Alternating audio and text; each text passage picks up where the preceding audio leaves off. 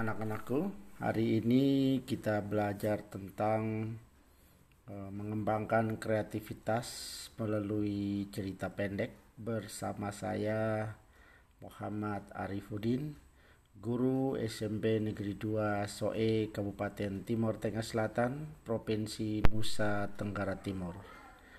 Cerita pendek ini masih dalam kelas 9 semester 1 dan di pertemuan awal ini kita akan membicarakan tentang bagaimana mengembangkan kreativitas cerita pendek pada bab 3. Yang pertama adalah identifikasi unsur-unsur pembangun dalam cerita pendek.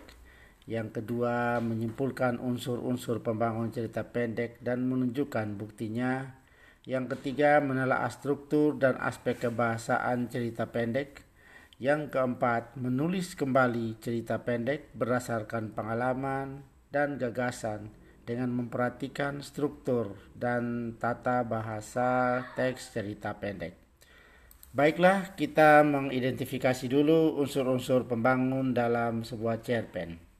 Sebelum kita mengetahui tentang unsur pembangun sebuah cerpen, kita harus tahu tentang apa itu cerpen, perbedaan cerpen dengan yang lain, ciri-ciri cerpen, unsur-unsur pembangun dalam cerpen. Nah, pengertian dari cerpen. Cerpen merupakan karya sastra yang berbentuk fiksi. Cerpen adalah sebuah cerita yang selesai dibaca dalam sekali duduk atau antara setengah sampai dua jam. Perbedaan cerpen dengan yang lain berdasarkan panjang pendeknya naskah berdasarkan tema dan isinya. Cerpen panjang apa pendek sekali, cerpen sedang, cerpen panjang. Ini kalau berdasarkan naskah cerita. Kalau berdasarkan tema dan isi, ada cerpen anak, ada cerpen remaja, ada cerpen keluarga. Ciri-ciri cerpen. Yang pertama, panjang karangan lebih kurang 10 halaman. Dua, habis dibaca sekali duduk. Tiga, hanya ada satu peristiwa yang menguasai jalannya cerita. Yang keempat, ada konflik tetapi tidak menimbulkan perubahan nasib pelaku. Yang kelima, hanya menimbulkan satu alur. Yang keenam, perwatakan tokoh dilukiskan secara singkat. Dari dasar ciri ini kita lihat ada unsur-unsur pembangun dalam cerpen. Yang pertama unsur intrinsik, yang kedua unsur ekstrinsik.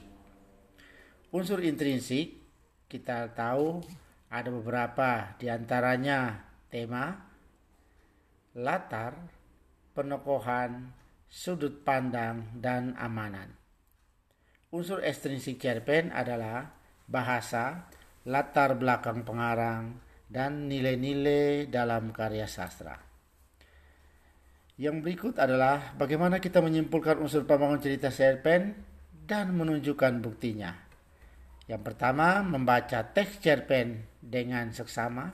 Yang kedua, menentukan unsur-unsur pembangun dalam cerita pendek yang dibaca. Dan yang ketiga, menunjukkan bagian cerpen yang membuktikan unsur-unsur cerpen. Setelah itu, kita akan menelaah unsur kebahasaan cerita pendek, struktur teks cerpen, aspek kebahasaan cerita pendek.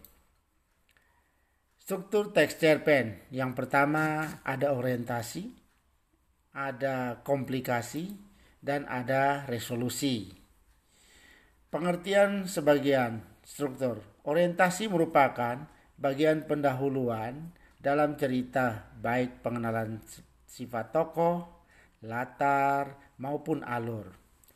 Komplikasi memuat masalah atau konflik yang terdapat dalam cerita Resolusi merupakan bagian pemecahan masalah atas konflik yang ada dalam cerita.